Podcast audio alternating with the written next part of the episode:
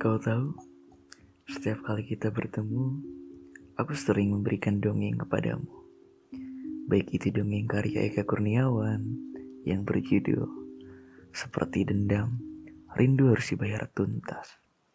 Atau pula dongeng karya Putut Ea, Isara Cinta yang Keras Kepala. Hmm, sebenarnya maksud dari itu aku cuma mau bilang, aku kangen kamu saat ini. Ku rindu.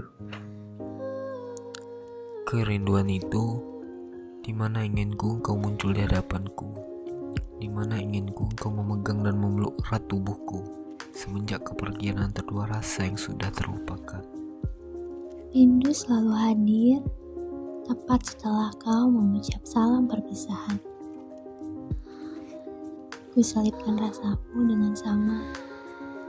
Tak terabah, tapi ada yang kuharap tak menghilang sampai kapan pun.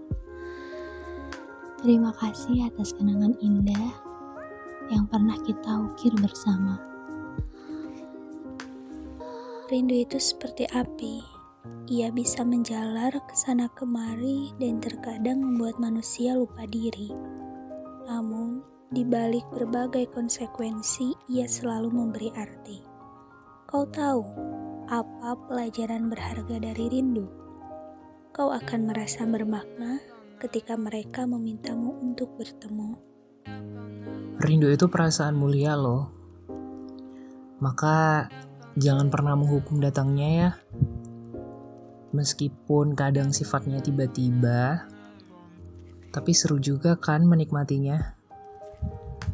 Bagiku, rindu itu adalah anugerah Iya, anugerah yang unik.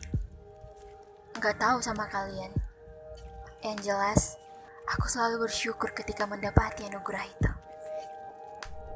Rindu itu pengingat. Dia mengingatkan aku bahwa aku pernah melalui sebuah fase belajar tentang hidup, cinta, dan juga rasa sakit melaluimu.